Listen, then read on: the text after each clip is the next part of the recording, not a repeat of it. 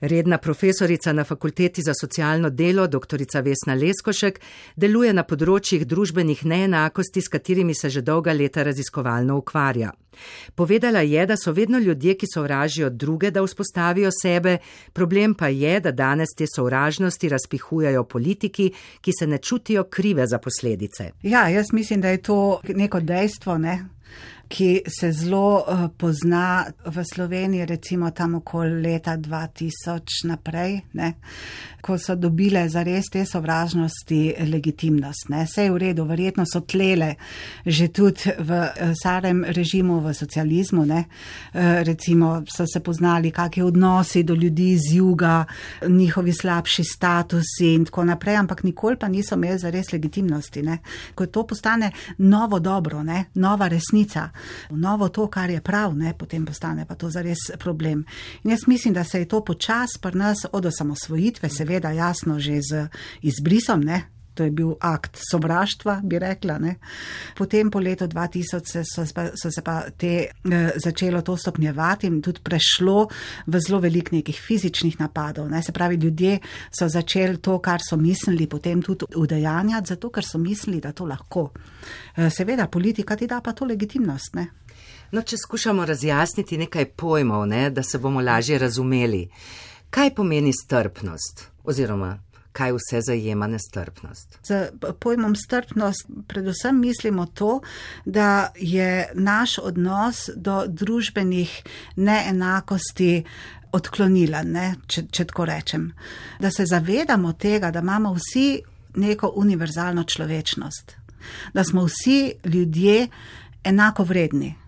In če imaš eh, enkrat to zares trdno prepričanje, potem seveda ne moreš nekomu narediti neko zlo. No in zdaj na drugi strani nestrpnost, ne, ki za svoje razplamtevanje najde vrsto razlogov, spol, spolne usmeritve, etnična, rasna pripadnost, religije, družbeni status, je potem takem idealni model človeka kdo? Heteroseksualni beli moški, Ja, seveda. Katolik. zelo mal, zelo ozek krok. Jaz ja, mislim, da je to zelo, zelo mehan in zelo ozek krok, ki je ta prav. Ne? Se recimo izbris nam zelo dobro eh, pokaže. Ne? Ljudje so podpirali uh, izbris, predvsem zaradi tega, ker je šlo za ljudi, ki jih oni niso razumeli kot del neke nacionalne biti in uh, s tem posledično ne kot sebi enake. In zato, ker so vzeli tem ljudem človečnost, ne, en del neke človečnosti, so potem lahko pač delali take eh, hude stvari jim, ne, bi rekla. Oblast je to zlorabila. In oblast seveda, jasno, se je tudi spodbudila, ne sem zlorabila, spodbujala. Tu je vprašanje legitimnosti, ne. Kdaj naše, naše sovraštvo dobi legitimnost in jo lahko počnemo. Ne? Eh, in nam zato nič nobeden ne naredi, ker jo počnemo. Ne? Začela se je z brisom, ampak potem, je, potem so tujci nastajali znotraj, ni, ni sam zunaj, to postanejo potem tvoji sosedje, ljudje, s katerimi si bil ti skupaj, s katerimi si se v redu razumel. Ne? Ko enkrat to postane legitimno, ne, ko enkrat to lahko počneš, potem je znotraj velik nekih skupin, ki so tvoje sovražnice. Ne. Zato je ta skupina pravih zelo oska in ta skupina pravih je tista, ki ima moč, ki sebe vzpostavi kot take. In kdo ima to družbeno moč, tako kot pravite, beli moški ne, srednjih let, ki ima največ neke družbene moči, da se lahko vzpostavi kot neka dominantna skupina. Ne. Vsakdo izmed nas se lahko znajde v vlogi. Žrtve predsotkov, sovraštva. Ja. Vsak od nas. Nihče temu ne more obežati. Recimo, ena od stvari je tudi to, da ljudje mislijo, da če bojo napadali, ne, da morajo oni biti napadalci, zato ker potem ne bodo žrtev. Temu ne obežiš, zaradi tega, ker ko napadaš, napadaš samega sebe, ne. V bistvu se samo omejuješ, ker se te sovražnosti potem navznoter širijo, ne? vedno manj je v njih, ki so, ki so ta pravi. Ne? Tako da temu absolutno ne obežiš. Morda samo še kak stavek o odgovornosti za spodbujanje sovraštva. Pravo v teh primerjih mora pravo delovati. Beseda je sovražno dejanje. Ne? Meja med prav in narobe mora biti jasna. O nestrpnosti na podlagi spolne usmerjenosti sem se pogovarjala z Andrejo Lapuh, ki se je kot lezbika in mama javno izpostavila že med kampanjo pred referendumom o družinskem zakoniku in sociologom dr. Romanom Kuharjem, profesorjem na Filozofski fakulteti Univerze v Ljubljani, ki opisuje 33-letno pot nastajanja družinskega zakonika. Mislim, da ljudje, ki imamo to možnost, moramo biti, ne bom rekla aktivisti, ampak vokalni vidni in mogoče tako tudi koga nagovoriti. Ja, premakniti mogoče tudi kakšno srce, ki je prej bilo eh, ne vem, negativno a priori, da bo pač pomislilo, kako se tiče to pač nas in naše skupnosti. Mora človek globoko v sebi stehtati vse dobre in slabe strani izpostavljanja, preden stopi v javnost? Ja, jaz sem se za to odločila že nekaj časa nazaj. Uh, ne vem, en nagib sem od nekdaj imela. Jaz se spomnim mojih prvih coming outov tam po 18-19 letih, ko sem mislila, da je to nekaj sramotnega. Ko sem mislila, da, da, da bom razočarala svoje starše, ko sem se na vse zadnje bala, kaj se bo zgodilo, kaj bojo ljudje povedali, tisti, ki, bojo, ki, ki jim bom to zaupala. In se spomnim teh občutkov tesnobe. Ne? Jaz, ki sem pač ugotovila, da sem lezbika, sem res mislila, da nas je zelo malo, da nimamo podpore in da bo naše življenje slabše zaradi tega.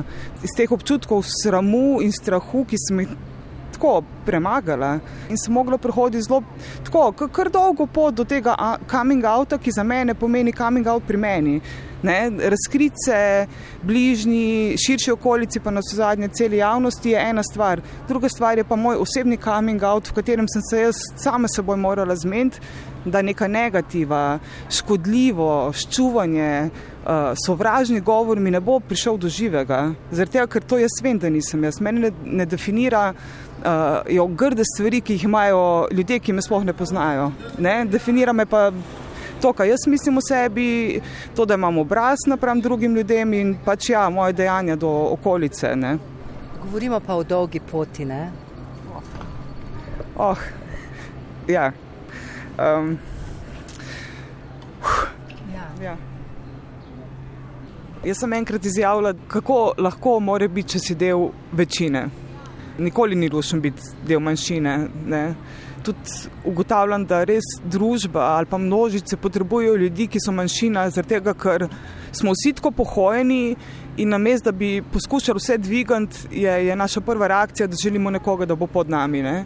Jaz mislim, da je to tak nek človeški nagon. Ne? Je treba nek premislek, nek filozofski premislek, pa nek etični, da rečeš, jaz bom boljši od tistega, ki, ki me tlači. Dolga, težka in naporna pot je prehojena. Človek težko verjame, da je še pred 15 leti hotel minister za delo, družino in socialne zadeve tematiko istospolno usmerjenih predati v pristojnost zdravstvenega ministrstva. Se ve, na kaj tak srednjeveški predlog namiguje. Sociologom dr. Romanom Kuharjem z Filozofske fakultete v Ljubljani se pogovarjamo o 33-letni zgodovini nastajanja družinskega zakonika. 33 let je minilo, odkar je nastal prvi predlog za spremembo zakonodaje na področju družinskih in eh, partnerskih razmerij.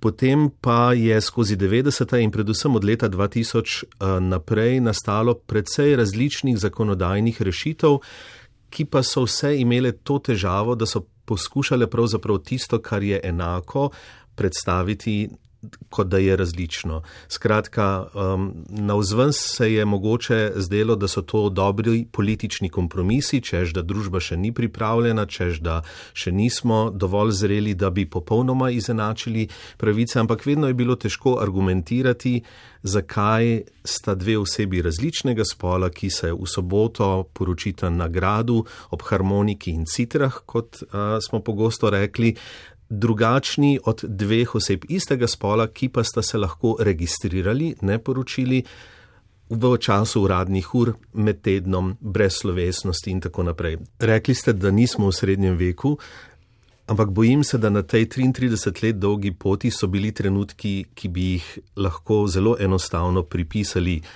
temu obdobju, ki ga razumemo kot nazadnjaškega, temačnega in neuključujočega do različnih skupin, družbenih skupin.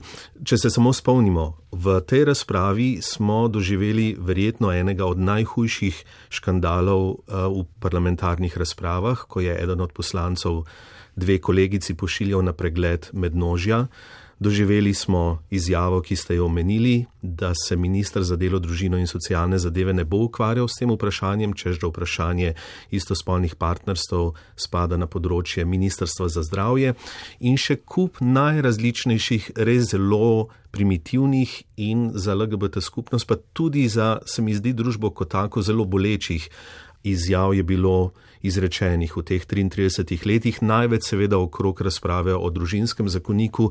Vsi mi živimo v različnih družinskih situacijah, vsi mi imamo različne družinske izkušnje. Tisto, kar je pomembno, je vsebina, kaj se v družini dogaja, ne pa lupina, kako ta družina navzven izgleda ali pa kakšnega spola je kdo.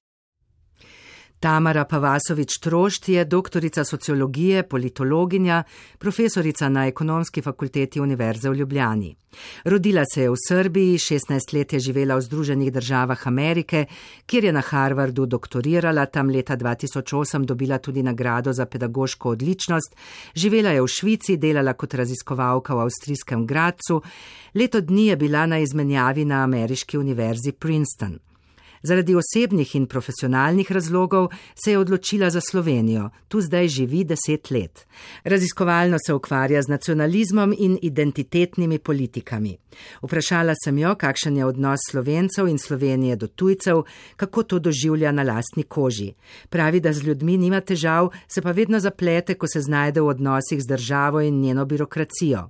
Opisala mi je, kaj se je dogajalo, ko je umrl njen mož meni mož, ki je slovenc, ljubljančan, umrl je januarja 2013. Prvo naj povem, da vse prvice, ki jih dobiš, če si poročen slovencem, nehajo v trenutku, ko si vdova. Torej, jaz sem nehala med prvico, da dobim državljanstvo po zakoncu, ker ni živ in tako naprej. Torej, to je že malo absurdno. Če sem se preselila v Slovenijo, dobila službo tukaj, dva meseca uh, potem naj bi upisala hčerko vrtec. Številka je samo slovenska državljanka, živi v Sloveniji, slovenščina je materni jezik, torej slovenka. In nisem mogla dobiti za njo vrtec, zaradi tega, ker upišeš eh, podatke za mami, jaz tujka, oče umrl in ona dobi de facto nula točk. Jaz sama, mati samohranilka, tujka, ki ne, bo, ne morem urediti statusa in bi mogla s hčerko pisati v privat vrtec. Mi smo potem našli načine in vsakič, ko sem šla na upravno noto, se je našel na koncu nek način, po no. zelo naporni poti. Ja. Kako pa je sprošnja za državljanstvo? Uh, glihkar je v procesu, tako da ne vem, če bi komentirala, ampak problem je zelo spet, da je ta, uh, to pravno birokratsko, kaj je tam, ni zdravo razumsko. In recimo tam piše za državljanstvo različni, seveda različni načini, da ga pridobiš, ampak večinoma je pogoj eno ali dve leti neprekinjenega življenja v Sloveniji. Jaz imam deset let zelo neprekinjenega življenja, ampak ker se vsaka odsotnost iz Slovenije šte, sešteva, Tudi, če greš na službeno pot, če greš na dopust, vse se sešteva in če je to več kot 60 dni na leto, se šteje kot zasi prekino prebivanje. In meni se nikoli ne zgodi, da imamo v enem letu manj kot 60 dni odsotnosti, se vedno sešteje več kot 60 dni, da nisem tu, ker tudi imam službeno odsotnosti. Jaz sem prepričana, da se bo to tudi rešilo. Sam, zakaj ni nekega bolj, ne vem. Slišite veliko krat, kaj takega besede, ki vas zbodejo. Vsi starši za prvi razred gledajo, v kateri oddelek ti bodo dali otroka in pogledajo, koliko je tam južnjaških primkov. Recimo, to sem tudi na roditeljskem sestanku slišala, tako koliko je teh južnjaških primkov. Na upravni enoti so mi tako parkrat rekli, ja, se veste, vi, ok, vi ste izjema. Ampak vaši, ko pridejo in pol se dela tudi na neka hierarhija, ker jaz sem v redu, a ne ostali moji pa zlorabljajo sistem. In to je nekaj, kar, se, kar ne bi smeli sploh privoščiti. Da jaz vedno rečem, ker in moji, ne razumem. Mislim, jaz imam luksus, da jaz rečem, ne razumem, kdo naši. Jaz vem, da bom svojo zadevo izpeljala do konca. Nekateri, ki so bolj ranjivi tam, kjer jim služba, življenje jim je odvisno od tega, valjda, da sam trpijo, poslušaš karkoli ti ta oseba pove, dostojanstvo zgubiš tam in moraš vse to požeti, ker rabiš ta papir. V zadnjem času po Sloveniji odmevajo hudi primeri izkoriščanja tujih delavcev, ki prihajajo tudi iz oddaljenih držav, kot so Vietnam, Bangladeš, Indija, Filipini, ker so se bazeni v bližnjih državah posušili, kot temu pravijo slovenski delodajalci. Spomnimo se podjetja Marinblu ali avtopralnice v Ljubljani. Goran Lukič, predsednik Društva za zagovorništvo ranljivih skupin Delavska svetovalnica, razlaga, da je država sestavni in temeljni del tega izkoriščevalskega sistema. Kako se lotiti slabih praks, ki postajajo že nekakšen slovenski poslovni model? Goran Lukič. Ustrajno preganjati te slabe delodajalce. Tam, kjer je ovira, detektirati oviro in rešiti. Tam, kjer je zakonodajna ovira, naj zakonodajalec to uredi čim prej, urgentno, takoj. Če je inšpektorat za delo, nima dovolj IT podpore, nima dovolj, recimo, na terenu eh, možnosti, da na licu mesta ugotovi določena dejstva, naj se mu to omogoči. Če ima zakonodajne ovire, eh, naj pove, kje je tisti člen v katerem zakonu, ki ga onemogoča, naj se to reši. Tam imamo državni zbor, naj to reši. Skratka, eh, tukaj imamo delodajalce, ki za svetlobno hitrostjo kršijo zakonodajo in jim ni mar. In eh, za vsak primer potem še na verigo, torej na zalogo, ustanavljajo firme, če kaj zagusti. Imamo pa potem inšpektorate, inšpekcijske službe, ki tuhtajo, jamrajo, kukor delodajalci, ki recimo po svoje jamrajo. Treba je ustrajno vsak primer prignati do konca. In s tem boš dal signal delodajalcem, ne se zaprkavati. Ja, ker kot sva rekla, Slovenija potrebuje tuje delavce in mora pa seveda nuditi ustrezne delovne pogoje, ustrezne plače, Tako je. ki Tako je. uh, omogočajo ja. dostojno življenje. Ne? In seveda Mislim, tudi ustrezne življenjske pogoje, ne morajo spatnik na tleh, eh, Pa seveda, sej. skupnih prostorih. In Ampak, potem še reče, delodajalec pa sej, pač to je njihova kultura. Če to kdo reče, govori predvsem o svoji kulturi. Ne o kulturi države, v kateri živi, ampak o svoji osebni kulturi dojemanja drugih kultur. Res, to sem prepričan, smo res zdaj v tem trenutku na neki točki, kjer bo mogla v bistvu država pokazati zobe.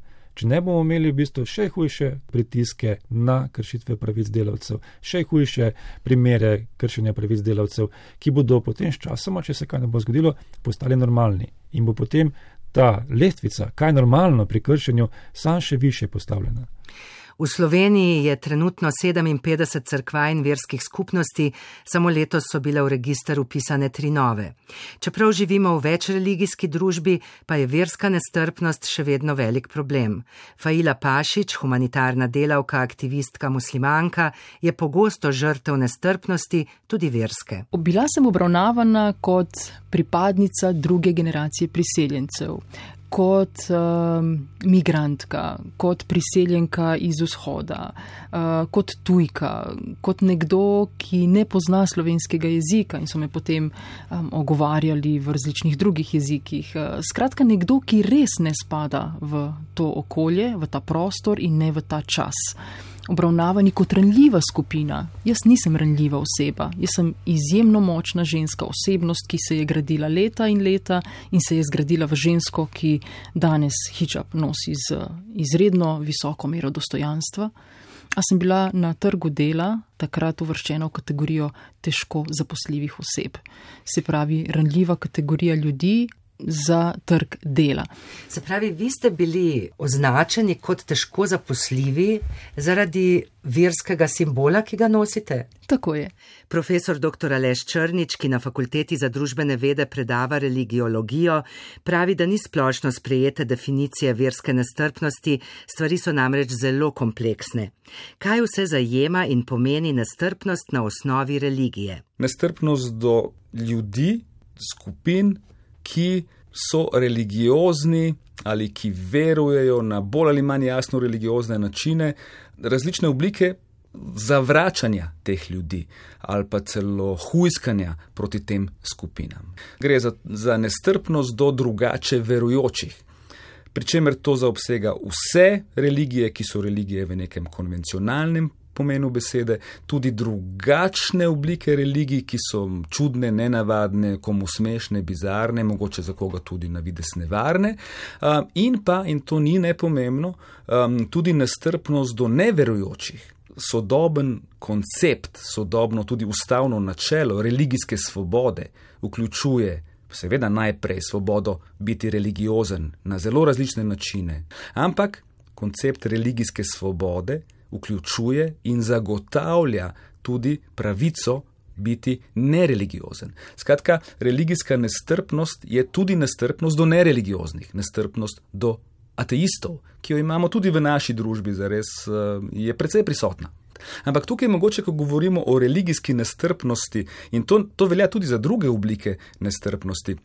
Sama strpnost pogosto še ni dovolj za kakovostno družbeno sobivanje. Skratka, ne gre za to, da manjšine, da tiste drugačne skupine, drugačne posameznike zgolj trpimo med nami, ampak je za neko plodno družbeno sobivanje, seveda pomemben še korak naprej za sobivanje, skratka za, za načrtno gojenje sobivanja, premostitve teh razlik in iz teh razlik načrtno in zavestno uh, potegniti uh, kaj produktivnega. Ker razlike za res v družbah, to ni prazna floskola, razlike za res bogatijo. Družbe, ki so pestre in heterogene, vidimo ne samo danes, ampak tudi zgodovinsko, uh, so tiste, ki prosperirajo.